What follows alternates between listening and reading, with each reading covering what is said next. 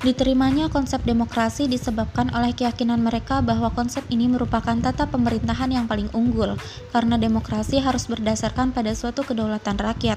Artinya, kekuasaan negara itu dikelola dari rakyat, oleh rakyat, dan untuk rakyat.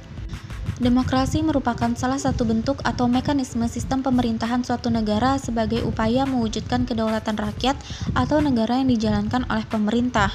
Negara Indonesia merupakan salah satu negara yang berusaha untuk membangun sistem politik demokrasi sejak menyatakan kemerdekaan dan kedaulatannya. Para pendiri bangsa berharap agar terwujudnya pemerintahan yang melindungi bangsa Indonesia dan seluruh tumpah darah Indonesia.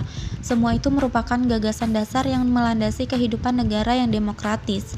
Landasan tentang demokrasi telah tertuang dalam pembukaan UUD 1945 maupun batang tubuh UUD 1945.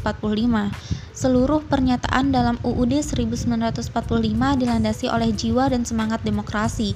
Penyusunan naskah UUD 1945 itu sendiri juga dilakukan secara demokratis.